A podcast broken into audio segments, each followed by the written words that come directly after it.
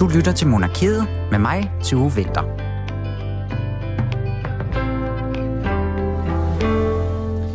Vi går på alle mulige måder mod lysere tider. Vi kan så småt skimte en hverdag, der ligner sig selv, og øh, påsken står for døren, og det er jo i sandhed en ægte forårsbebuder. Til trods for, at vi måske igen må fejre Jesu død under lidt mere bøvlede omstændigheder. Men sådan er det. Fordi at om ikke andet, der skal vi altså markere denne påske her i Monarkiet i dag. Så sammen med Trine Larsen, der er journalist på Billedbladet, der kigger vi lidt nærmere på øh, de royale påskeplaner anno 2021. Men det er først lidt senere. Fordi vi skal også tale om de påskeæg, som de fleste af os nok går og håber på, at dem vi finder i haven, når vi render rundt og leder. Fordi at... Øh, de her savnomspundne og kostbare Fabergé-æg, de blev fremstillet som små påskegaver til den russiske zars familie omkring 1900-tallet. Og nogle af de her, de er altså forsvundet under den her russiske revolution og er ikke set siden. Historien om de her æg, det ved Kirsten Nærsting en, øh, en hel masse om. Hun er kulturformidler og er altså ekspert i de her æg. Så hende skal vi snakke med inden så længe. Vi kan heller ikke gå en højtid forbi her i monarkiet, hvor at vi ikke skal en tur i den royale kreakasse. Så den har jeg selvfølgelig taget med i dag, så Julie og jeg, vi kan få pyntet flot op til påske. Det bliver en rigtig hygge påskedag i monarkiet her på Radio 4. Velkommen til.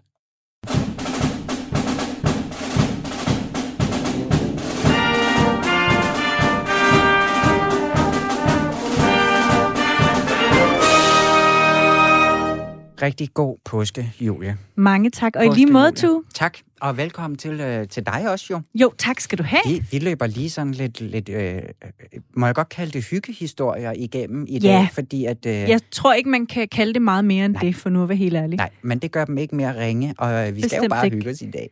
Det bliver dejligt. Påske, jo, det er nu påske, det er så tager vi hul på påsken her en dag før tid. Lad os endelig gøre det, fordi at vi starter lige lidt i Norge, fordi at der har øh, kong Harald, han har været ude og holde en, ja, det er ikke en tale, det er en påskehilsen ja. til det norske folk, og de har været på alle de sociale medier og inde på hjemmesider osv. Og, og ham her, kong Harald, han kan altså et eller andet. Ja, jeg synes også, han er en rigtig dygtig taler. Ja, ja. hold op, altså selvom han bare sidder og siger, hvad man måske efterhånden kan sige, ting man har hørt før, mod at vi går mod lysere tider, mm. og det er mhm. flot, som vi har holdt sammen og stået imod, og hvad vi ikke kan, som i den her, det her tilfælde, det norske folk og Præcis. alt det her, ikke? Så er der altså bare noget ved ham, der... Øh, han, er, han er knæme god med, øh, med stemme og ord.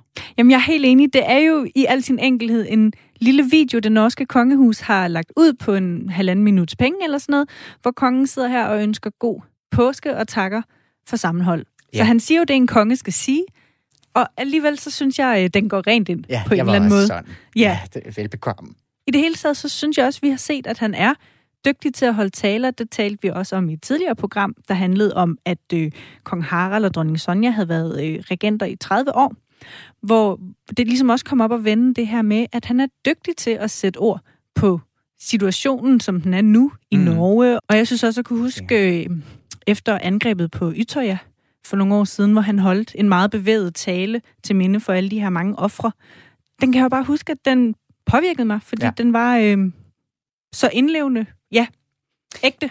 Det er, ja, men han, han kan et eller andet, og det er der... Øh, det er meget imponerende på, ja. på mange måder, for det er bare en lille video, hvor Jamen, det, det, der er ikke noget særligt over den, og, og alligevel... Og lys bagved, og så videre. Men altså, vi, vi snakker jo med Trine Larsen lidt senere, ikke? Så måske vi også lige kan få ud af hende, hvad hun, øh, om vi kunne se det fra den danske dronning måske også. Ja, kunne vi det kunne være godt at vide. en lille påskehilsen fra hende også? Det synes jeg, der ville være dejligt. Nu er det også den nærmeste år, altså hvad hedder det, sådan noget årsdagen for, at hun ligesom var på live-tv og give en opsang. Ja. Så kunne det være, hun ja. kom nu og gav os alle lidt håb. Yes, men uh, tak, for, tak for hilsen, også selvom man ikke er ja, Den var ikke som sådan til os, til mig, men, men, uh, men tak for det. Den gik også rent, den her. Yes. Ja, en skal, anden lille nyhed. Ja, vi skal til England, ikke? Jo, det skal vi. Men denne gang bliver det ikke lillebror Harry Nej. og konen Meghan. Vi skal Nej. tale om min storbror, William, som er blevet kåret til verdens lækreste skaldede mand. Mm. Det er jo lidt sådan en niche-kategori, men når man ikke kan vinde prisen som årets lækreste Nej, og det Kongelig. går til ens lillebror, ikke? Jo, det må også være 13 i længden. Så er det måske meget belejligt, at der så findes en kategori, der taler til ens hårvækst. Øhm, fordi man kan sige, tidligere, det talte vi om sidste år, der kårede øh, det engelske, eller så det amerikanske magasin Pebble Magazine, de lavede sådan en liste over de mest sexede kongelige mænd. Og der var det altså ubetinget Harry, der løb med førstepladsen. Mm. Men ifølge den britiske avis The, avis, The Sun, så øh, er prins William altså øh, den, der løber med titlen som den mest sexede skaldede mand. Ja, og, Og det er, det er baseret lavet... på en lidt speciel lige undersøgelse. præcis. Ja, Yes. Ja, du tager den, Julie. gør jeg det? Yes. Nå, Yes. men det er super. Tak skal du have. Det er øh, baseret på sådan en Google-søgning, hvor, hvor man så har kombineret det at søge på en eller anden person, og så ord som sexy eller attractive eller sådan nogle der. Og der øh, slår det så ud 17,6 millioner gange, at man har kombineret de ord med Prince William. Ja. Ja. Men så det jeg faktisk også tænkt lidt, ikke? nu ved jeg ikke så meget om, om, om, om, om datamaskiner og internet og sådan noget. Men hvad nu, hvis man har skrevet not sexy William for eksempel? Tæller det så også med i den her undersøgelse? Det er et virkelig Eller, godt altså spørgsmål. noget, den dur? Altså, det, det vil jeg tro, det ikke gør, at man må have søgt specifikt efter, at det kun er ord som sexy og hot Ja. og attractive, Og- og så i øvrigt Prince William, der indgår. Ja. Men meget godt spørgsmål. Det, man kan sige, det er jo også, altså det er en kosmetikvirksomhed, som hedder Longevita. Jeg havde ikke lige hørt om den før, men det er det, den hedder. Det er dem, der har lavet undersøgelsen. Nå. Ja. Så, øh, så man kan sige, jeg ved ikke, om det er sådan en eller anden, øh, hvad hedder sådan noget, et ønske om at, Det kan være, at de at måske ville sælge en at bestemt type produkter. Ja, øh, ja. ja. Og så, så det sådan, noget, som appellerer til- Google, øh, Google-søgningsmaskine. Netop. Men han kommer jo ind på en, en stensikker førsteplads. Ja, det må man sige. Fordi at Mike Tyson, Bokseren. bokseren, han ligger nummer to, og han har altså kun fået øh, 8,8 millioner af de her, øh, hvad hedder det, hits. Ja. Ja, man skal ligesom forestille sig, at, at hver gang der er en, en blog eller en webside eller andet, hvor de her ord indgår, Mm. slår ud på Google. Ja, Sorry. Vladimir Putin, han kommer også med, ikke? Og Jo, det er, Det synes jeg alligevel er vildt. det er en Det brød skare på en eller anden måde. Ja, fordi Vladimir Putin, han har fået 2,2 millioner hits. Ja. Så der må altså sidde nogen derude og synes, han er et dejligt hug. Ja, men det er der da sikkert også mange. Ja, men helt bestemt. Men altså, tillykke med, øh, tillykke med den pris Ja. og den titel. Prins Det er da William. godt gået. Ja, så, ja. Øh, så vandt han den. En anden nyhed. En anden lille hyggenyhed. Ja, det må vi også hellere lige at, øh, runde. At uh, Christian, vores egen Christian, prins Christian, han skal altså nu efter mange øh, omveje nu konfirmeres. Endelig Mm. blev det hans tur. 15. maj i Fredensborg Slotskirke. Ja. Der skal, der skal slaget stå, havde jeg sagt. Der skal, Ja, nu må vi se, hvor stort et slag det bliver, for kongehuset har jo faktisk ikke meldt så meget andet ud, Nej. end at det er ligesom dagen, og så skriver de også, at festen kommer til at foregå i, hvad hedder sådan noget, i forlængelse af de gældende restriktioner Ja, til præcis. den tid. Ja, Ja. ja. At, at, der, at, at det tager de selvfølgelig højde for. Det skal de Så- jo også, men det er dejligt, at han endelig har fået en, øh, en dag at se frem til. Det var da en stor dag, da man skulle konfirmeres. Ja, helt Ja. bestemt. Så det er dejligt. Og en anden prinsesse, Mm. eller ja, hvad kan jeg sige, prins, en anden prins. Ja, Ja, fordi det handler faktisk om en anden prins, fordi at øh, prinsesse Sofia, det var derfor, og, øh, og, og hvad hedder han? Han hedder Philip, Carl Philip. Philip, ja, der er den yngste søn af Carl Gustav, kongen i Sverige. netop. De har nemlig fået deres tredje søn. Der var mange sønner og mange Karl og ja. Men den tredje søn, han hedder altså Julie. Jul. jo, ej, ja, det, Det- gør han jo Det næsten. hedder han ikke. Han hedder Julian. Julian Herbert Folke. Folke. Han blev født i fredags. Ja. Tillykke med den lille, ny svenske Prins. prins. Ja. Og Tre prinsesse. har de nu, den Ja. familie.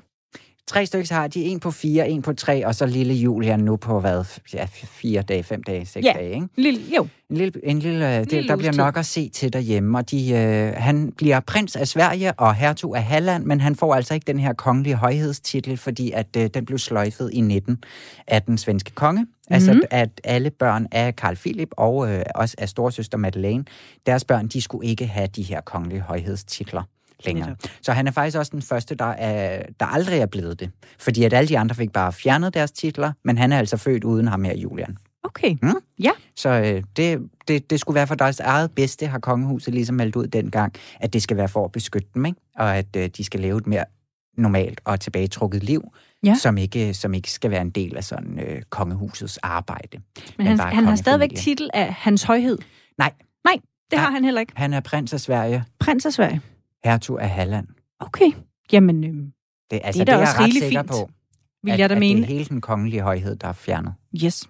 Men, ja, men altså tillykke med dem, sund og raske alle sammen, og de kom glade ud med mundbind på fra hospitalet med den der... Kom Julian også ud med ja, mundbind på? Ja, ja, der han var dækket helt ind og visiret og det hele nede i sin no. lille bære hvad hedder sådan en til bilen, ikke?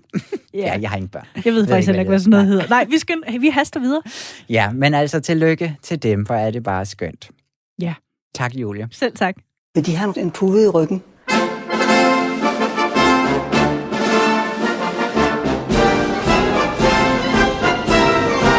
Hvis de vil, så har jeg sagtens lånt dem en pude. Åh, oh, det vil jeg vældig gerne have. Øh, hvor er mine møbler blevet? Nej. Jeg men tror, deres majestæt, det er meget nødt til at sidde på en pude. Hvis jamen, det er bestemt ikke Og det er til ryggen, vi jeg tænker. simpelthen for... Oh, tusind tak. Jeg synes, det kunne, jeg kunne se, at de følte dem lidt langt tilbage. Det er rigtigt nok, øh, men jeg troede, jeg skulle sidde på en pude. Det nej, nej, nej, nej, nej, nej, nej.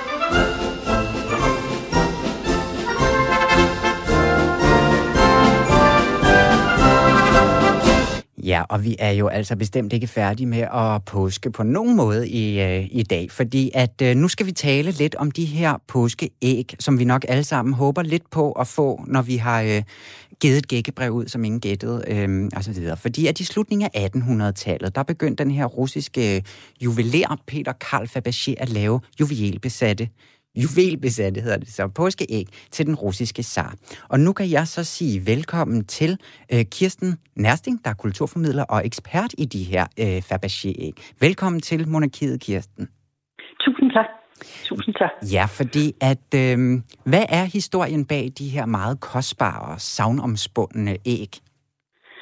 Ja, det er jo egentlig, at øh, Karl Fabergé, han er kejserlig øh, hofjuveler i St. Petersborg fra 1885 til 1917.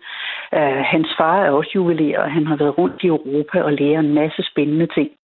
Og da han så kommer hjem til St. Petersborg, så laver han en juvelerbutik, hvor han laver alt muligt forskelligt. Det kan være smykker eller figurer, billedrammer eller cigarettetuier mm. eller snustobaksdåser. Og hvad hedder det? De er alle mulige forskellige, både halv- og hele ædelstenene. Øh, tidsforbruget var ligegyldigt for Fabergé. Bare okay. det var perfekt. Ja, Jamen, det synes jeg da også er et udmærket udgangspunkt egentlig at, ja. at få. Hvordan, øh, hvordan kom han på at lave de her øh, påskeæg så? Det var fordi, hvad hedder den russiske zar på det tidspunkt, han hed Alexander den, den 3., og hvad hedder det, Alexander den 3., han var gift med en dansk prinsesse, der hed Dagmar.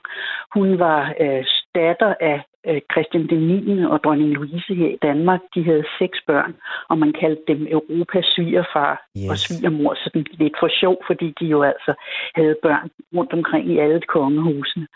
Og Dagmar var også den, der faktisk næsten blev bedst gift, og Alexander holdt meget af hende, og så ville han gerne glæde hende i 1885 med et påskeæg.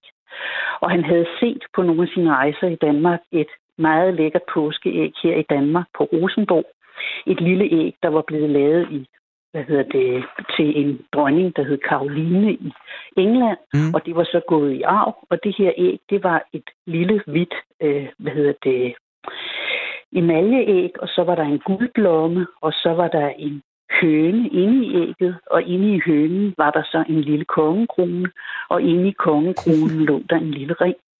Det er sådan helt, øh, sådan, og, øh, hvad hedder de der russiske dukker? Ja, nærmest sådan russiske dukker ja. og babushkaer, der, der åbnes. Ikke? Ja. Og det var det samme øh, for ham. Og så spurgte han så Fabergé, om han kunne lave sådan et for at glæde øh, Dagmar, og det gjorde han så. Han lavede så en anden type æg, altså det var stadig jo ikke et hvidt emaljeæg, så var der guldblomme, så var der en høne af fire slags guld med rubinøjne, og så var der en lille kejserkrone, og så var der et lille rubinvedhæng inde i ægget. Og Dagmar blev meget, meget glad for det, så hun sagde, at de er et uforligneligt geni, herr Fabergé. Oh. Og hvad hedder det? Så fortsatte traditionen, så hvert år så forærede Alexander Øh, hende et æg fra Fabergé, og da Alexander døde i 1894, så overtog hans søn traditionen. Han hed Nikolaj den anden, og han gav både sin kone og Dagmar et æg hver eneste år. Ja, det lyder jo ekstravagant. Om, Undskyld. Ja, det lyder jo noget ekstravagant, altså med alle de her rubiner og ædelstene og så videre. Det må man sige. Ja. Det må man sige. Men... Og de, det, der var det mest spektakulære, det var, at der skulle være en lille overraskelse inde i ægget. Altså, der kunne være en, et billede af familien, eller et slot, eller et lille tog, eller en elefant. Var det ligesom en af reglerne for de her æg? Det var altså, en af reglerne for det her æg, at det var ikke nok med, at ægget så fantastisk ud udefra. Det skulle også have den her overraskelse mm. i. Så, så det, det blev en tradition og blev altså til 52 juvelbesatte æg øh, igennem tiden, altså indtil 1917 til den russiske revolution. Ja, ja fordi der sluttede alting jo rimelig bræt for den her store. Der sluttede det meget bræt. Ja. Vil... Og heldigvis kan man sige, at æggene blev reddet, fordi Lenin var sådan lidt konservativ, så han gemte dem på Kreml, og så Stalin solgte dem så ud i hele verden. Så de har været rundt omkring i hele verden, og der er stadigvæk en 4-5 æg, man ikke ved, hvor man er. Man ikke aner, hvor er henne, og det er ja. jo spændende, fordi at, at det er jo dem, vi sådan alle sammen, øh, man hører ikke en gang imellem, vil jeg sige, men altså, der kommer nogle gange de her historier op om, at gud, så stod der et Fabergé-æg på øh, køkkenbordet, ja. og man troede bare, det var Altså, Lige præcis. Ved man noget om, hvor de sådan er... Jeg er ikke altså... helt sikker på den der hvad hedder, historie. Jeg synes, den lyder lidt for fantastisk, at Amen. man skulle se sådan et smukt æg, og så tænke, at det er der ingenting på, på et loppemarked, og så tage det med hjem. Men, men det skal jeg ikke kunne sige. Altså ægget, øh, de fandt der på køkkenbordet i Amerika ved ja. siden af en muffin. Det, øh, hvad hedder det, var så et meget dyrt øh, kejserligt guldæg med et Vacheron-ur. Mm. Og hvad hedder det, er blevet solgt i 2013 for 22 millioner Jamen, dollar. det er vildt. Ja. Det er helt vildt. Det er vanvittigt. Hvorfor tror du, altså, fordi der findes jo alle mulige forskellige øh, smykker og ja, genstande, som er, er, er utrolig kostbare, værdifulde osv. Hvorfor tror du lige præcis, at de her æg er blevet så øh, berømte? Jeg tror både, at det er Fabergés kunde, øh, og så tror jeg også, at hele historien med det russiske zarhus og øh, Nikolaj den anden, der blev myrdet sammen med hele familien i 1918 under den russiske revolution, tror jeg også giver noget til historien. Ikke? Mm at man øh, synes, ah, det alligevel, det var så tragisk en historie, og øh, de der æg var så fantastiske øh, og havde været i deres eje. Jeg tror, det har noget med det at gøre, fordi ja. de bliver solgt, og der bliver let efter dem, og hver gang man åbner, hvad hedder det, nettet, så kan man se, at nu er der sket noget nyt. Det, det står aldrig stille. Nej, nej, fordi de er ligesom omgivet af sådan en eller anden form for mystik, ikke? Jo, ja. det er de. Ja. Det, det vil jeg også sige. Det er de. Og hvad hedder det? Hvad skal man vælge? Der er det ene smukke æg efter det andet. Øh, hvad hedder det nu? Hvad hedder jeg, hvad hedder jeg lige tænkt at fortælle lidt om, om de danske æg. Der er et espalier-æg, som Alexander giver øh, øh Dagmar, et lysegrønt jædeæg. Og så inde i ægget, der er der så en lille elefant, og den troede man var forsvundet under revolutionen, men pludselig finder man den så i det britiske kongehus. Den har været ind over det britiske kongehus, denne her, øh, hvad hedder det, det her æg. Ja. Og så finder man det pludselig øh, her for ganske få år siden ja. i 2014 og finder ud af, at det er der elefantordningens elefant, og den kan oven i købet trækkes op, og så kan den gå tre skridt, den her lille elefant. Jamen, hvor er det vanvittigt. så, så det er lidt er det vanvittigt. Ja, fordi... Og så, Ja, hvad siger du? Undskyld. Ja, så hvad hedder det, der er også et æg med danske slotte, som jeg synes er fantastisk. Det er sådan pink emalje, og så med guld og diamanter. Og så når man åbner det, så er der miniatyrbilleder af danske og slotte og russiske øh, kejserskibe på små perlemorspaneler. Ikke? Mm. Så der er et lille billede af Bernstorff og et af Amalienborg og Kronborg, Fredensborg og Sarens hus i Fredensborg. Hvor er det henne? Har vi, har vi det i Danmark? Nej, det har vi desværre ja, ikke. Jo. Det er i USA på Metropolitan Museum of, of Art. Ja. Så, Men der er også nogle af dem, der sådan er endt i privat eje, ikke? Altså, det er Ja, som, det er som så ikke bliver udstillet, eller? Ja, altså det er som om, de sådan forsvinder i, i perioder. Ja. Øh, der forsvinder de lige i øjeblikket af det æg, jeg måske synes er allersmukkest. Et, der hedder vinterægget, som Dagmar også fik. Øh, det er forsvundet, fordi nu er det, øh, hvad hedder det, emiren øh, i Katar, der er det. Og han har også købt det. Det det dyreste æg, der nogensinde er blevet solgt. Okay. Øh, så hvad hedder det, det lå op på, på hvad hedder det, omkring hvad hedder det, 480 millioner danske kroner, da det blev solgt i 2002. Og så er det ligesom om, så ser man det ikke i nogle år. Så hvis han engang sælger det fra, så, så dukker det pludselig op igen, og det har man set mange gange. Ja, så man har, man har styr på, hvor de er. Altså, de bliver ikke solgt Man har nogenlunde styr på, altså der er kun de der 4-5, man ikke rigtig ja. ved, hvor er men som det ene af dem, der var sådan et lille æg med, når man åbnede det, så var der sådan et lille sæt med, med neglefil og, og hvad hedder det, saks og så videre til en, til en dame, sådan et lille neglesæt.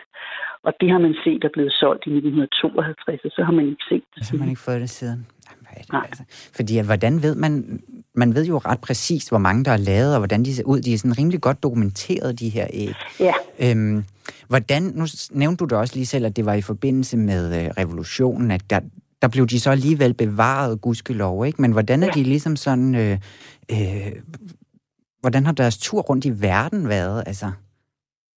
Ja, mange af dem øh, endte jo i starten i England og USA, hvor man havde råd til at købe dem, eller hvor familien arvede dem. Og så hen ad vejen er de så blevet solgt hist og piste. Mm. Øh, så, så i dag er der, man siger, der er 38 i, i Rusland. Øh, hvad hedder det, men det er jeg så ikke helt sikker på. Jeg synes, der også er stadigvæk nogen i USA, men som sagt, så sker der hele tiden noget. Der ja. er godt ved at blive blevet solgt nogen til Rusland, som jeg ikke har hørt om, men der er 38 i Rusland og tre hos den engelske dronning, og hvad hedder det, en i Monaco, et i Monaco og okay. øh, en 6-7 stykker i USA.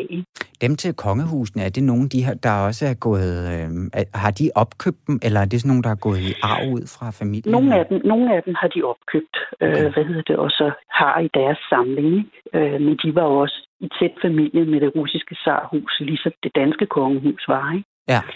Så, så derfor så, hvad hedder det, var det jo oplagt, at der endte nogen der.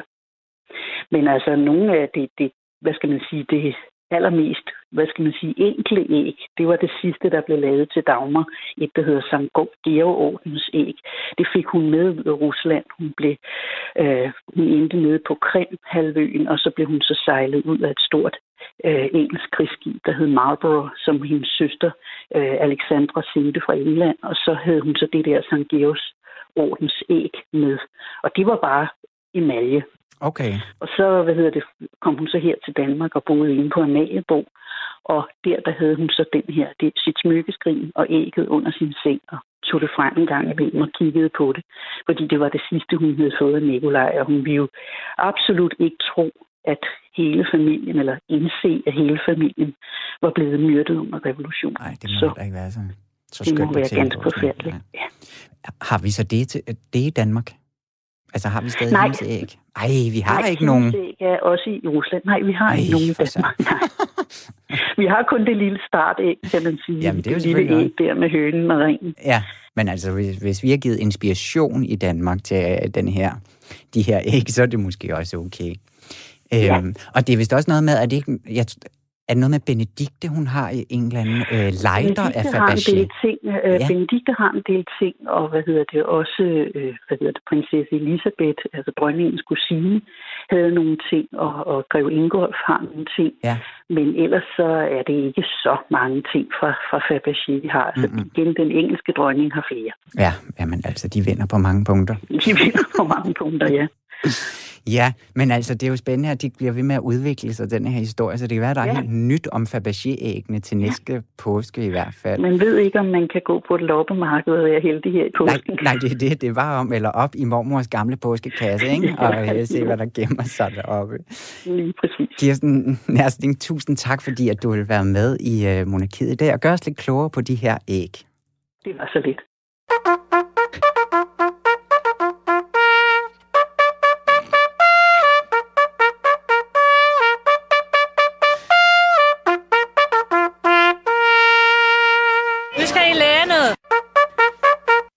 Ja, ja det må jeg altså undskylde, nu simpelthen. Vi havde... Øh... Tue, han fik simpelthen et chok lige da øh, man hørte trompeten. Det var... Øh... Ja, og det er underligt, for jeg, jeg, det, er mig, der styrer, det er mig, der styrer på knap, Ja, det er det, du må have... Ved hvad du har trykket på? Ja, jeg ved ikke. Ja. Jeg tror lige, jeg skruer lidt ned fra min høretelefoner. Sådan der. Men det var godt. Så vågnede vi også lidt op til kreativ. Fordi at uh! øh, det er påske. Og ja. det er jo altså øh, kreativitetens øh, højtid. Hvis du siger det, så er det. Det er det lige blevet kåret til i hvert fald. Dejligt. Så uh, Julie, er du klar på at lave lidt dejligt påskepynt med mig? Jeg har glædet mig. Det er godt, men inden vi går i gang med det, så er der jo noget andet, der hører sig til påske, ikke? Ja. Tørt og vådt oh, til ja. ganen. Så du skal smage min påskesnaps. Er du, vil du det? Er du klar det på det? det? vil jeg frygtelig gerne. Så må du lige holde den køre. Jeg finder den lige herovre. Ja, okay. Øhm, Nej, en flot Ej, flaske. Ja, ved du hvad, jeg Hold har da jo simpelthen op. fået oplandet min påskevalnødsnaps 2021. Så de har ligget og læret siden øh, oktober en gang, og nu har jeg simpelthen Ja. fået dem øh, lige fortyndet lidt, for de er lidt voldsomme. Den skal du smage på, for jeg har ikke selv smagt på den, og jeg skal holde en påskefrokost for en veninde på fredag, og det skal være lige øjet. Så du bliver Godt, prøve så jeg er øh, prøve påskehar. Prøve påskeharen. Så du Ja. ja. får lige lidt af min valnødsnaps, før vi går rigtig i gang, og jeg præsenterer, hvad det er for et dejligt øh, stykke. Hvor meget har du lavet? Øh, nu står du her med en flaske, men Ja, jeg går ud fra, at man laver liter. mere af gangen. Altså den der, i den her halve liter øh, flaske, der er der en syvende del essens i. Resten er så ren øh, sådan noget øh, brøndumsnaps. Altså Okay. en klar snaps, ikke? Ja. Du får den lige lidt her. Den har fået en god farve, den her, synes jeg. Jeg holdt da op. Tak, Tu. Det ligner næsten en lille konjak. Jeg skulle lige til at sige det, det ligner mere konjak end, øh, end snaps. Det er også nogle voksne glas, du skænker. ja, det var lige, men, hvad jeg øhm, kunne finde, ikke? Skål og glædelig påske, Ja, Julia. god påske også derude til så alle må vi lytterne. lige prøve at smage på denne her. Huh, hold da op, man kunne simpelthen fornemme sprutten bare det, jeg tog glasset Ja, op til, Den er til blevet læberne. noget harsk. Hold da op, hvor en stærk suge. Ja. Hold da op. Det kan da være, at Nøj, hvor er skal tyndes lidt ud. Ja, den vil Ellers- jeg øh, fortynde en, anelse, medmindre ja. alle gæsterne skal... øh, Og den er meget... Altså sådan noget, en valnødsnaps kan jo, det er jo at være sådan, altså rund og lækker og mild. Ja. Det er den her ikke. Nej, jeg må indrømme, jeg er ikke ekspert ud i snaps. Der er jeg mere en kirpige. Men, øhm, men altså, den har egentlig en dejlig smag, når man ligesom vender sig til, til den høje alkoholprocent, tror jeg. Jamen, fordi ja. det, er, det, er, det er den jo. Men ved du hvad, du kan lige få... Mm. Jeg har taget lidt påskeæg med også. Ej, fordi det det synes var jeg jo altså også lyd. lige bliver nødt til. Dem får du lige Tusind over til tak. dig der. Ej, det er de dejlige fra Anton Berg, kan jeg se. Ja, men det er fugleæggene, du. Det er min favorit. De er også gode. Nu kan vi ikke danse længere om den varme grød. Nej, Den varme påskegrød. Fordi at øh, nu skal vi lave et lille påskelam. Og der skal jo selvfølgelig være royalt tema på. Jeg har valgt påskelammet, fordi at lammet, det er jo ligesom en, øh, det er et symbol på øh, Jesus. Det lille Jesusbarn. Mm. Eller det store Jesus. Den, den voksne Jesusmand, der dør på korset. altså i forhold til... I forhold til hvad? I forhold til lammet.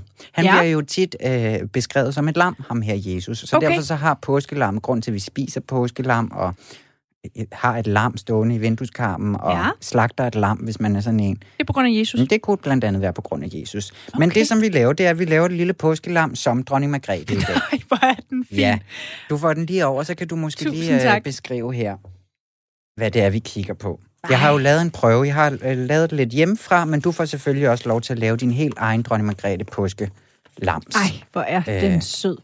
altså, altså, det er det ægte uld. Eller jeg ved ikke, om det kan være uægte, men, men er det uld? ja, det, ja, det Ja. ved jeg ikke helt. Det er faktisk. sådan en, øh, man skal forestille sig en, øh, en cirkel af en art, hvor der så er øh, altså uld viklet rundt omkring. Sådan en flad cirkel med, med uld omkring. Og så har øh, Tue klippet nogle øh, fødder, ben er det vel snart, Yes, ben ja. ud og sat på sådan. Og så er der et dejligt billede af, af dronningen, Ja. som er i sine... Hvad er det? Det er nogle, hvad hedder noget, smaragd? det, har du fået det med det grønne? Altså Jeg har fået det med smaragd, grønne. øh, gr- Ja, det er smaragdsættet, hun det har er på det her. Og så det er der fra en nytårskuren 2020, kan jeg fortælle. fornem, så kan man google sig til det. Ja, Og så er der ligesom en lille hank i også, så man kan hænge den. Ja, så kan man jo tage lidt friske grene ind fra øh, haven. Ja. Ja. Hænge øh, dronning Margrethe påskelammet op på sin, øh, på sin grønne gren. Øhm, så jeg synes, du skal lave sådan en, Julie, Det sammen med mig. mig til. Og jeg har klippet lidt ud, fordi det du gør, hvis du står og mangler lidt, øh, lidt billeder af dronning Margrethe, det er jo, at du bare tager de gamle billedblade, ikke? Og ved du hvad, der er der simpelthen fyldt af dem, du.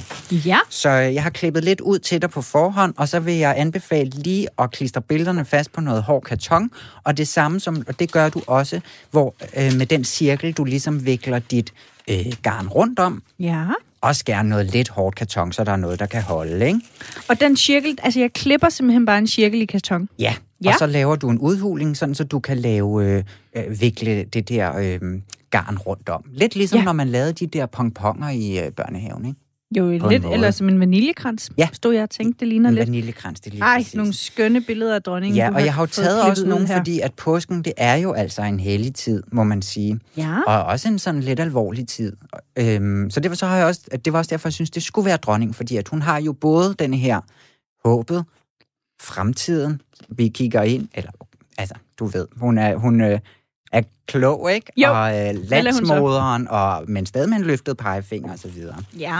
Og jeg har jo gjort det, jeg så har klippet alt ud på forhånd for dig. Det ligger nede i kuverten. Har du Jo, fundet det tak. billede, du gerne vil have? Jamen, jeg synes, det er svært at vælge, men... Øhm, Jeg har taget nogle, hvor hun griner noget, og hvor at hun er lidt mere Ja, hun ser lidt mere afbalanceret. på. Du har blandt andet et, hvor hun har en øh, dejlig orange hat på, Ja, hvor der- hun griner simpelthen så hjerteligt, så det tror jeg, jeg tager. Det kan jeg godt lide. God idé. Så du Mhm. går med det glade lam. Har du fået sådan en her krans over til dig? Nej, Sådan en får du også. tak skal du have. Og- Og det er den sådan hvide vaniljekrans. Hvis jeg lige må låne den der øhm, konvolut, Ja. hvor at alle remedierne ligger i. Fordi at der ligger altså også... Nej, der er jo ikke noget i. Har du taget det hele ud, Julie? Ja, det Ja. har jeg faktisk. Hvor mange, hvor mange skal jeg sende retur? Øh, bare et billede af dronningen. Ja, du får det store her. Uh, ja. Og der er hun glad. Det er faktisk for hendes 80-års fødselsdag, Der er kan jeg også fortælle. et, et lille et her, jeg overså i starten, hvor hun også har øh, de fine smykker på. Ja, det var fra da hun fik taget billedet i den blå kjole inde på Fredensborg i forbindelse også med hendes 80-års Med fødselsdagen? fødselsdag. Yes. Okay. Nu har jeg bare... Jeg kom til at hælde alle øh, ben Ja. ud her hos mig. Skal du have flere af Øh, dem? nej, det er fint. Det okay. må du gerne beholde derovre. Det var kun for lige at demonstrere, hvad du kan gøre med dit hoved af dronning Margrethe. Fordi jeg synes også, det er vigtigt, at hun får lidt øre. Og der har jeg simpelthen taget lidt, lidt vat. øhm, faktisk for den gang, vi lavede karseopsatser af Ja. ja. øh, Charles og Camilla. Det kan man gå ind og finde i et gammelt afsnit. Ikke? Øhm, der havde jeg lige lidt vat til års. Og det er jo perfekt til sådan nogle øh, lammeører. Ja. Så dem kan man lige lime fast med lidt dejlig lim på dronningen. Ikke? Det gør nu jeg kommer lige. til at stå og spise det Anton Berg æg, fordi det smager simpelthen så godt. Ja, Nu Jamen, du, jeg lige jeg er også lidt træt af at sende dem alle sammen hen til Ja, dig, undskyld. faktisk. Jeg kunne jo sende dem retur, for eksempel. Sådan, så har dronningen herover fået et øre. Du får lige lov til selv at sætte øre på, Julie. Tak for det. Så tager jeg lidt. Så tager jeg lidt af den stærke snaps. Ja, Mm. den smager, det, jeg vil sige, den vokser på mig. For Ja. hver slurk, Ja, det gør så, øh, alkohol tit, ikke? Jo, det er helt rigtigt. Ja. Mm. Skål. Skål. Den er, den er nu... Ja, ja, det ved jeg ikke. Er Nej, men det var som om, nu tænker jeg, du tog du har hul på den i studiet, men nu hvor den har stået lidt, Jamen, så synes kan jeg, godt den være, det er falder bare sådan det, mere og mere til ro. Og det, der er med hjemme... Øh, får du lige med, imens jeg snakker lidt om min snaps? Skal jeg lime på, på uldkransen eller på billedet? Jeg vil lime på billedet. Ja. Fordi så kan den lim, jeg har taget ikke en limstift, men sådan en flydende lim, fordi så kan det sådan løbe lidt ned i det der, øh, i det øh, garn der, hvor det ligesom skal sidde på, så det sidder fast på, øh, Ej, nu kommer jeg til at sætte hovedet for langt ned. Uh. uha, ja, det skal man altså passe på med. Så kan I lære det derhjemme, kan jeg lytte om. Ja. Ikke hovedet for lavt på, hvis I sidder og laver det. Sådan der. Nej, fordi så kom det til at være sådan, at... Ja, det så helt fjollet ud. Må jeg Så se? det er nogenlunde rigtigt. ud. Ej, hvor er det flot, Julie. Nu sidder hovedet klar, så nu skal det bare have nogle ben. Ja. Og der kan du se, du kan vælge mellem sorte, og du kan vælge mellem røde ben. Jamen, som jeg sagde tidligere, så har det billede, jeg har valgt af dronningen, der har hun sådan en orange hat på. Så jeg Ja. tror, jeg vælger de røde. Men det Ben. er også meget øh, traditionelt, hvis nu det var Jesus, vi ligesom øh, lavede. Fordi at han, bliver, øh, han er tit blevet, øh, hvad hedder det, portrætteret. Ja. I, både i skrift og øh, på billeder og så videre med en lille, altså som et lam med en lille rød fane, eller en lille rød, øh, øh, hvad hedder sådan noget, et lille rødt øh, accessory, Ja. som så symboliserer det her blod, altså som øh, vi, vi udgyder ved Jesu død. Og så den hvide farve selvfølgelig som, som uskylden, ikke? Det, er- det kan man blandt andet læse inde altså på hvor folkekirken.dk. Kønt det bliver det her. Det, det er måske meget godt, at vi ikke skal lave Fabergé-æg. Det tror jeg ikke, jeg var sluppet godt fra. Jeg var lige ved at prøve det, ikke? men det blev sgu også lidt for bøvlet af. Jamen, jeg vil også sige, med den beskrivelse, vi, vi hørte fra Kirsten Ersting, så er jeg ja. altså også bange for, at det er for avanceret til, at jeg ville kunne stå her i studiet og, og kreere noget, der var værd at se på. Sidste år, der lavede jeg nogle utrolig flotte påskeæg, fyldt med sådan nogle similisten på. Øhm, Ja. det, det er også, den er også givet ud til lytterne her. Øh, du kan få dit helt eget Fabergé-æg, hvis simpelthen har købt nogle dejlige similisten. Og øh, så havde jeg sådan en, en, en, øh, en metal lilla øh, farve. Det hele blev meget dekadent at kigge på. Ja, Den er også sådan givet videre. Nu har jeg fået øh, fire ben på. Mm? Altså, jeg bliver ved med at sige ben. Altså, det er ben. Ja, et lam ikke- ben. Ja, et lam her. Ja. Det er godt. Jeg har ikke vinger. Se nu en gang her. Nu mangler hun Ej. faktisk bare uldørerne. Ja, den gør, og det er jo det, der ligesom får den helt op på, øh, på lammestadiet, Mm. mm. om man vil. Du får lige en lille klump øh, vand Tak skal over. du have. Ja, fordi at... Øh, Ja, Og- det skal bare lige være sådan to små klumper, så det ligner ja, et to par lille ører. sådan spidse klumper, Ja. som øh, du også kunne putte, altså rense dine ører med, for eksempel, hvis det var det, du nu har jeg kommet lim på, så det vil til. jeg God vælge idé. at lade være ja, med. Ja, så lad være, ja. Medmindre det er til en sjov udklædning. Nej, jeg ved ikke. Ja, jeg tror stadig, jeg lader være. Og så vil jeg sige, at selvom, hvis man, altså jeg tror også, man kunne lave det som en kylling, hvis man øh, heller vil det. Altså ja, en man bare påskekylling. gult. Så, så kører du gul. Og øh, hvis du gerne også vil... Nu, nu havde jeg jo lavet det, hvor hun har sit smaragd-sæt på, og man, hun har sit, øh, det her smaragd-diadem på. Så har jeg faktisk også givet min en lille smule grøn glimmer, som er i samme smaragd... Øh, oh, ja, det er øh, rigtigt. Hvad hedder det? Øh, hvad, hvad hedder det? Tone? Ja. ja smaragd farve for søren. Ej, undskyld, det er fordi, jeg står, nu har jeg limet øh, vatten fast på mine fingre, i stedet for på dronningen, Mm. så det bliver noget Jamen, rigtig... det hele er så påsket. Jamen, ikke? der går lidt for meget børnehave i den Du bliver også et påskelam. Er de, de lidt... Nu fik jeg lavet nogle ordentlige vatklatter. Mm. Det ser ikke øh, helt så elegant ud, som jeg havde håbet, for den er faktisk så fin, Jeg den synes, du har den lavet. er rigtig fin, Tak skal du have. Julie. Hun Er ser du- sød ud i er- hvert fald. Og altså, der er ikke noget som at putte billeder af en, en royal på noget påskepynt, eller julepynt, Det er rigtigt. eller i sit daglige virke, hvad man end laver på sit, øh, i sit liv. Ja. Jamen altså, nu Klip ved noget, vi jo, at Klip noget øh, ud af billedbladet, sæt det på det. der er jo formentlig ingen af os, der skal forsamles en masse mennesker til påskefrokost i år. Så, så kunne man jo passende i stedet lave kongelig påskepynt. Gør det. Der er i hvert fald et bud herfra på, hvordan man kan gøre det. Yes, og øh, skål, Julie. Skål, og God tak for påske. dejlig snaps. God påske. Efter at kongen i statsrådet havde givet sin officielle godkendelse af forlovelsen, og Grev Henri derefter var blevet præsenteret for ministerne, fik pressen lejlighed til at fotografere de forlovede i audienssalen sammen med kongen og regeringens medlemmer med statsministeren i spidsen. Og der blev taget billeder i tusindvis.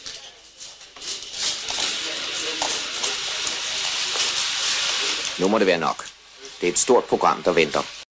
Ja, og det er måske ikke et så stort program, der venter, som det plejer for øh, dronningen i denne påsketid.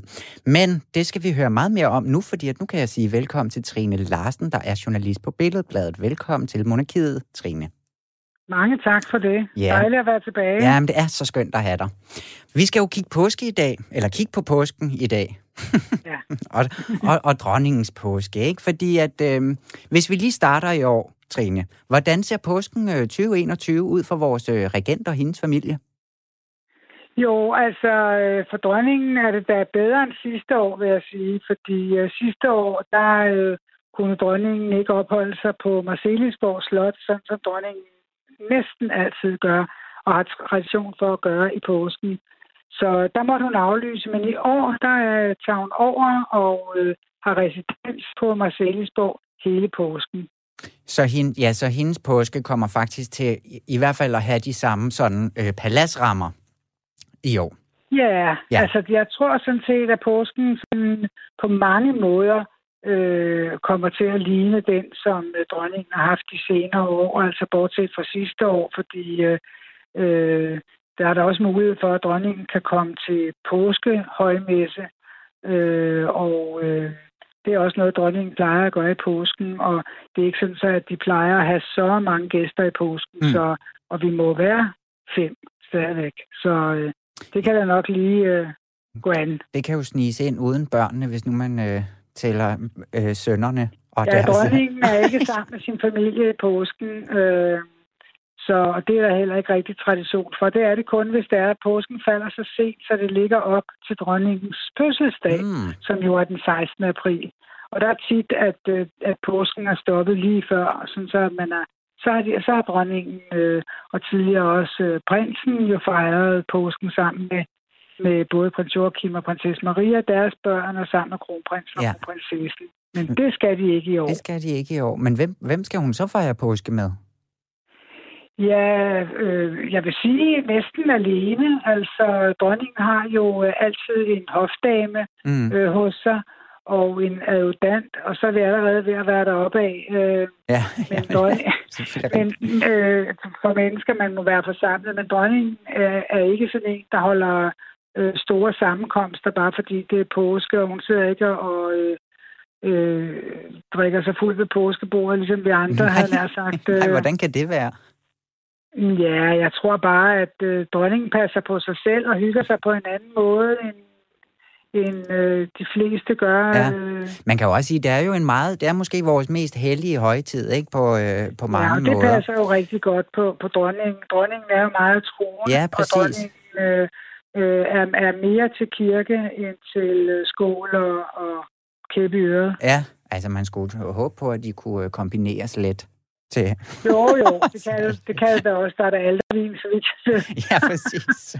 Ja, så festligt. Nej, men, men, men det er rigtigt, som du siger, dronningen går meget op i, i lige præcis den højtid, øh, og dronningen har jo også øh, øh, lavet øh, for eksempel øh, mange af de, øh, altså når man er til højmesse, så har, har bispe, øh, bispen jo sådan nogle kåber på og sådan mm. noget, og mange af dem, der er i de danske kirker, er jo rent faktisk nogen, som dronningen har lavet. Hun har snart sagt lavet til alle øh, store kirker i hele Danmark. Ja, og til den engelske for nyligt, altså den danske kirke i London, tror jeg. Var det Lige ikke præcis. sådan en, hun lavede? Ja, jo, en messehale, tror jeg, vi lærte det hed dengang.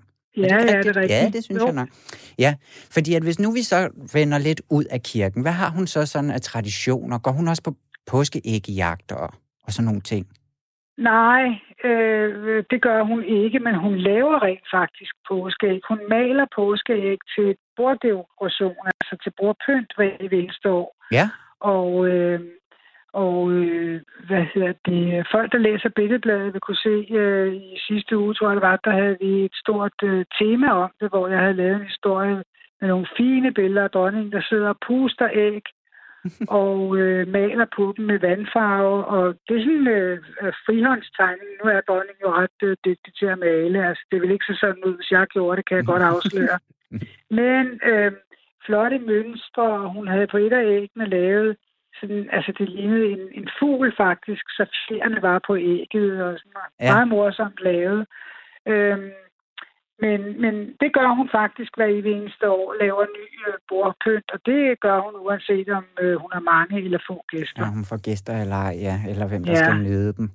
Ja, for, men Trine, nu må du altså ikke sætte dit eget lys under en skæppe, eller hvad man siger, fordi at jeg har jo faktisk set dig lave noget utrolig flot julepynt i selv samme program her. Jeg ved, du kan Sammen med noget. dig, ja. Ja. Jeg, sammen med dig, men, men der vandt du, hvis jeg Nej, sige. det ved jeg ikke. Og hvad, hvis jeg kigger op, ikke, så det er på også lidt pile, men det hænger her faktisk endnu. Men de er så Jamen, det- fine, ved du hvad, de to små det engle, godt- vi lavede. Julen var jo lige til påske, Det- som man siger, ikke? det er det. Og vi, og vi har lavet en ny påskepynt i programmet i dag også, faktisk. Så det Ej, kan være, det skal øh, skiftes ud.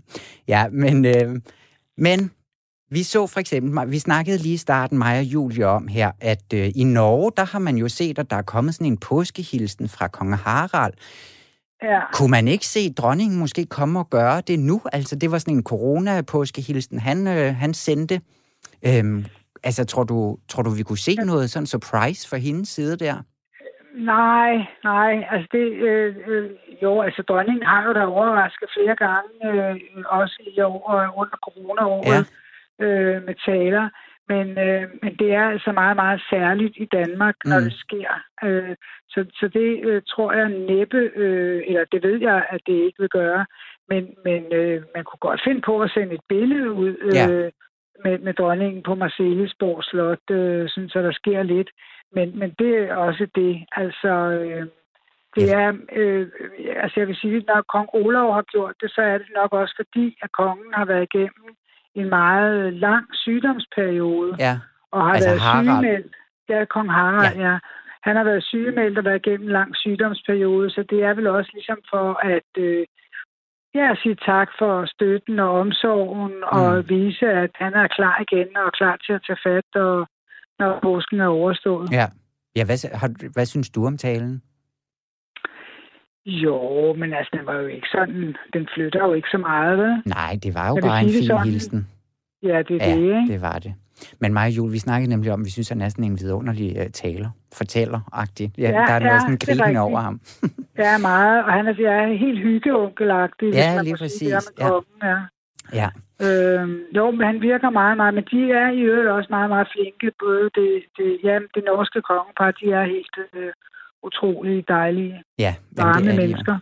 Men vi har jo også et dejligt kongehus herhjemme, og vi har faktisk, Det hvis vi også lige skal nævne de, den yngre generation, hvad, hvad Ja. skal prinserne så, hvis de ikke skal besøge deres mor på uh, Marcelisborg, hvor skal de så være henne her til påsk? Ja, altså prins Joachim og prinsesse Marie og prins Henrik og øh, prinsesse Athena, de bor jo i Paris. Ja. Og det er altså ikke det nemmeste at rejse frem og tilbage. Øh, øh, som alle, der har været ude at rejse ved, så skal der coronatest før og efter og under.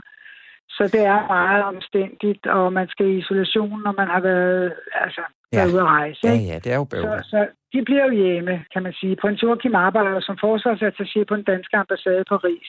Så han har vel også først, ja, altså hvad skal man sige, påske i morgen, ikke? Jo, Øh, så, så de bliver hjemme i påsken, er det planen. Øh, og øh, kronprinsparet, øh, ja, altså de øh, plejer at besøge venner og sådan noget, men, men det tror jeg altså ikke, de gør så meget i, fordi øh, man, altså, de er jo øh, seks alene øh, familien, ja. og dertil kommer så øh, par, par sikkerhedsvagter og sådan, så der er vi jo allerede op over, øh, altså hvad man nærmest må, selvom Ja. man er i familie med hinanden, ikke? Men der, man ved ikke som... Ved man, om dronningen sådan har givet noget, øh, hvad hedder det, altså sådan traditioner videre? Det er jo tit sådan, at man ligesom får det, som, som de så benytter sig af. For eksempel det her med at male på et påskeæg, eller på et Ja, æg. men det, det kunne jeg da godt forestille mig, at, øh, at de har, fordi noget skal man jo øh, give sig til med fire børn, så det vil jeg tro, at de også de har taget nogle af juletraditionerne til sig. Ja, præcis. Og dronningen sagde faktisk, at, øh, at prins, både prins, kronprins Frederik og prins Joachim var rigtig gode til at male påskeæg. Ja. Øh, og meget, meget øh, livlig fantasi, tror jeg, dronningen kaldte det. Øh, imponerende livlig fantasi, så øh, altså, han kunne måske godt brillere lidt, øh, kronprins Frederik, Ja. ved at, og, øh, at puste æg og så male dem Og bagefter. male med, også selvom han ikke Ja. sådan slår sig op på at være den store kreafyr som sådan. Ja. Men det kan Men også være, at han de har skal... været god til det, åbenbart, da han var yngre, ja. Ja. så det er jo bare at tage den op igen. Jeg tror, det er ligesom at cykle. Ja, må ikke at male Ja, på sådan et ja. æg. Og, og Men så de- bliver børnene imponeret. Ja, præcis. Og det kan jo også være, at de skal sætte sig ned og snakke lidt om en stor dag for deres ældste. Ja, Ja, ikke? det bliver fantastisk. Ja. Når, kron- når, hvad hedder det, prins Christian skal konfirmeres. Nu har han jo ventet på det et stykke tid, blandt andet på grund af corona. Ja. Men øh, det er netop kommet frem, at han skal konfirmeres den 15. maj. Ja, lige præcis. Og det er jo skønt de endelig at kunne lægge en dato for det. Så må det også give lidt ro på Absolut. der. Hvad er det Ja. for en dag, tror du, vi kan forvente der? Ja, men det er jo desværre en dag i, øh, i coronaens tegn, øh, og også stadigvæk øh, til den tid, vil jeg tro. Øh, men forhåbentlig er Forhåbentlig må man være nogle flere mennesker Mm. samlet. Men det er lidt Øh, synd for sådan en multikulturel familie, som det jo er, ikke? At der, der er altså langt til Australien i disse dage, hvis man gerne vil have nogle det. bedsteforældre dernede fra med, og nogle fader Ja, og, og der er også, og også Guds øh, ikke? Jo, dem- præcis. Dem vi ville da også gerne have set. Øh, øh, altså, så, så lad, men lad os nu se, hvor, hvor, hvordan det er til den tid. Der Ja. er jo øh, heldigvis stadig ikke et stykke tid. Øhm, Ja, der er lige halvanden måned en uge til, Ja, at øh, vi ja. kan få styr på alt det her smitteri. ja. Ja, Og så kan det da være, at nogle af dem også er, hvad hedder sådan noget, vaccineret og sådan, så Ja, ikke. kan det jo bare... så kan, de, så kan alle, alle de ældre flyve ind og være med. Ja, der er Ja. også mange, som, som... Ja, ja, det er rigtigt. Men, men det, er, det er mest kongelige, der kommer til den der, tror jeg, så lige øh, kronprinsessens øh, søskende og Ja. forældre, hvis det var. Ja, det kan være, at vi, øh, vi ringer til dig igen, når, når, når dagen er ved at nærme sig for prins Christians Ah, I skal være så konfirmation. velkomne. I skal være så velkomne Yes. altid. Det er altid dejligt at snakke med dig, Trine Larsen fra Tak øh. Billedbladet. Og kan du have en rigtig skøn påske, når du når så langt? Tak for det, og i lige måde til Tak. alle lytterne. Livak præsenterer Gap! så gælder det om at vise, hvor dygtige I kan blive.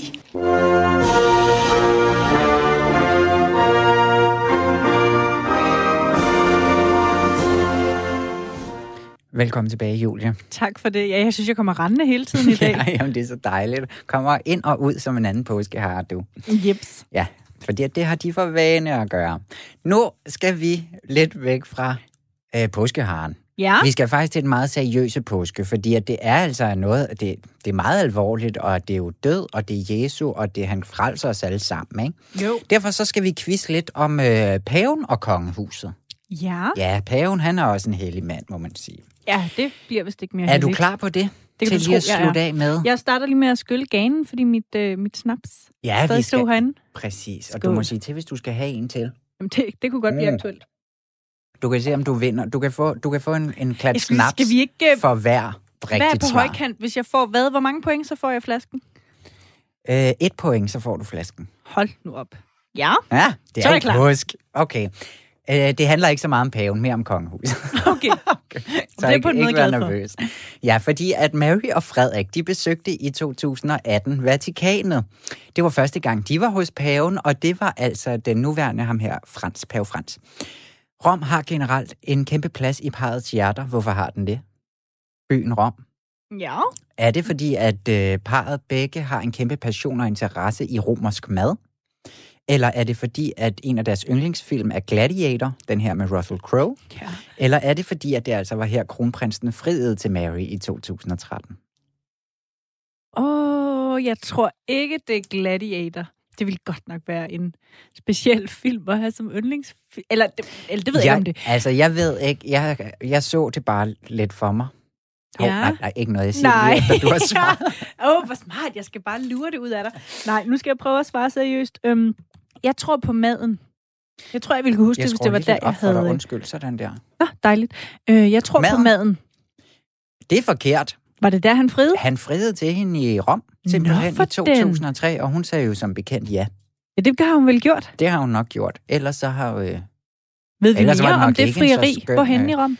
Øh, det ved jeg simpelthen ikke. Nej. Det må jeg lave en anden quiz om, så kan vi blive klogere på det. Det var en god idé. Måske næste uge. Men nu er det altså paven, det handler om. Fordi at når man er i audiens hos paven, så har man gaver med, og det havde kronprinsparet også.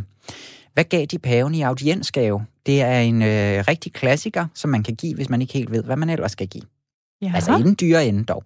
Fordi at var det af en mega, en mega muselmalet vase, eller var det en Kai Bøjsen abe, en af de store, mm-hmm. eller var det nogle øh, fine Holmegård-glas? Så noget dansk design uanset. Mm. Altså, jeg kan på en måde godt lide ideen om, at man er taget til Vatikanet, og så forærer paven en abe. Så jeg prøver at gå med Kai Boysen-aben. Um, det er heldigvis forkert, vil jeg sige. Og jeg synes desværre... Fordi at, de fik en mega muselmalet vase. Jamen, jeg tænkte jo nok Ja, et eller andet sted. Det gjorde de altså, Mm. noget, øh, noget kongelig porcelæn. Ja, Lidt kedeligt, vil nogen sige. Og måske dronningen, fordi at hun besøgte... Det næste spørgsmål, der kommer nu. ah, Fordi at øh, hun besøgte paven i 2006. Og, øh, og, der, og hun, havde som, hun havde jo selvfølgelig også en gave med. Og øh, hun var i privat audiens, og dengang der hed paven Benedikten 16. 16. Hun havde noget mere personlig gave med. Hvad havde hun med til paven? hun havde selv malet et maleri. Vil du have nogle valgmuligheder? Ja, okay, fordi der er en dem. af dem, der minder lidt om det. Fordi Nå. at gav hun ham et katalog over 120 af sine egne billeder og et signeret foto af hende. Eller gav hun en byste af sig selv, som øh, hvad hedder det, prinskemalen havde lavet, Henrik havde udformet. Ja. Eller havde hun broderet en kæmpe bispekdragt med hat og hele udtrækket til ham? Altså, jeg håber på en måde, det er seeren, for der er noget meget... Øh, det er jo en anelse påtrængende at give andre mennesker noget, man selv har kreeret, Ja, og på den måde ligge i det, at, at man kan jo ikke rigtig som modtager andet end sige, nej, hvor fint, Nej. tak for den. Hvad skal man gøre? Hvad skal man gøre? Ja, så jeg prøver at gå med seeren. At hun havde lavet en kæmpe stor dragt til ham. Ja, Hun gav ham et katalog over 120 af sine egne billeder og Gjorde et signeret portræt. nå. Der Ja, kan det man havde bare jeg nok se, ikke gjort. Hun var nede for at åbne en udstilling i Ja. Rom. Oha, der sad lige lidt snaps, jeg Det lige i skulle have op. Sådan. Øh, nede og åbne en udstilling med danske guldaldermalere øh, i, i Rom på det tidspunkt. Men der var også en udstilling af hende selv i Firenze med, øh, med hendes billeder. Og det var så et katalog derfra. Og så et signeret portræt, det synes jeg var lidt underligt. Ja, hun er, det tænker jeg mere, at det er sådan rockstjerner, Ja, der præcis, gør det. men meget men, sjovt. øh, Hun fik to mønter, sådan nogle paveguldmønter i, øh, i, ja, som tak. Kan vi lige nå det sidste? ja, Det tak, altså ja, for jeg har langt. ikke fået et point har endnu, så, så vi er har nødt til at kunne nå det Ja, sidste. fint. For jeg vil have den snaps med rejser vi tilbage i tid, Julie, fordi at Christian den Første, han var på dannelsesrejse til Rom, øh, og det gik ham altid. Han fik nemlig den gyldne rose, der er Vatikanets fineste orden, og han fik et øh, paveligt privilegium til at oprette et universitet. Det var kun paven, der kunne give tilladelse til den slags.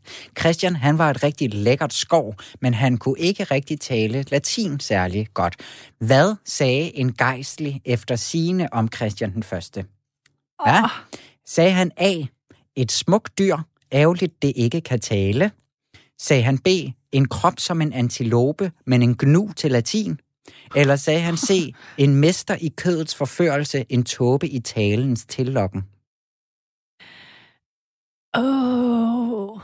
Ej, jeg kommer jo helt til kort med min viden om Christian den Første. Ja.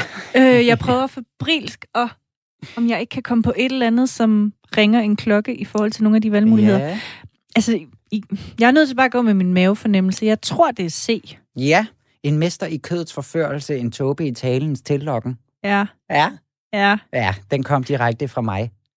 Fordi at han blev kaldt et smukt dyr. Bare Et ærgerligt, dyr. det ikke kan tale af en eller anden gejstlig. så er det ikke mig, der skal have snapsen med hjem.